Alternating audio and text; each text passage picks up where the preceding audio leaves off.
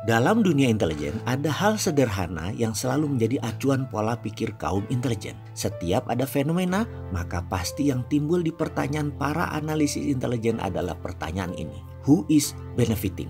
Atau siapa yang mendapatkan manfaat dari sebuah peristiwa. Begitu tahu siapa yang paling bermanfaat, dialah pemainnya. Atau dialah yang memainkan atau dialah yang memiliki skenario. Maka dalam komunitas intelijen dunia, pertanyaan sama diajukan pada peristiwa virus corona. Walau hanya pertanyaan awal, namun kunci jawaban adalah di pertanyaan sebagai berikut. Satu, mengapa virus corona pertama kali dilaporkan wabah 14 hari tersebut setelah 300 personel militer Amerika tiba di Wuhan untuk pertandingan dunia militer pada 19 Oktober. Bagaimana dia bisa tahu masa inkubasinya adalah 14 hari? Dua, mengapa dan bagaimana pengiriman virus yang sangat mematikan dari laboratorium biologi NML Kanada tersebut berakhir di Cina pada bulan Maret 2019?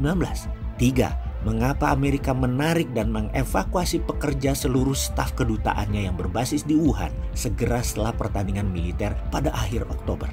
4. Mengapa Yayasan Bill and Melinda Gates memprediksi hingga 60 juta kematian via virus corona di tahun 2018? 5. Virus ini menyerupai virus dari kelelawar Afrika Selatan yang langka. Bagaimana virus semacam ini berakhir di Wuhan, kelelawar Afrika Selatan tersebut?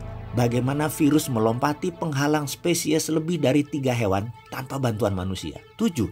Siapa yang menyebarkan dan menyerang babi di Tiongkok? Di mana laporan menyebutkan ada droid yang digunakan untuk menyemprot virus babi tadi. 8 Mengapa ini terjadi di Cina ketika Amerika yang memegang paten untuk Ano9 coronavirus diarsipkan pada 2015 tersebut? Ini beberapa pertanyaan kritis pakar intelijen pertahanan. Kita tidak perlu menjawabnya apalagi menganalisanya. Kita lanjutkan saja dengan pertanyaan sederhana lainnya. Cina sudah red alert negaranya dan Indonesia yang memiliki 30% vice versa bolak-balik kebutuhan dengan Cina harus segera menyatakan sikap dan strategi untuk virus corona ini tidak masuk ke Indonesia. Lalu pertanyaan berikutnya adalah kepada pemerintah sekali lagi. Singapura itu sudah oranye. Apa yang terjadi jika Singapura menjadi red? Ketergantungan Indonesia dengan Singapura itu dua kali hubungan Indonesia dengan Cina. Ini bisa mengakibatkan Indonesia shutdown.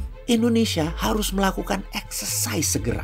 Mana exercise-nya wahai pejabat negara? Mohon rakyat diedukasi segera, diinformasikan segera. Ditunggu loh. Mosok bosmen iki sing ngasih solusi. Ya ora pantes lah.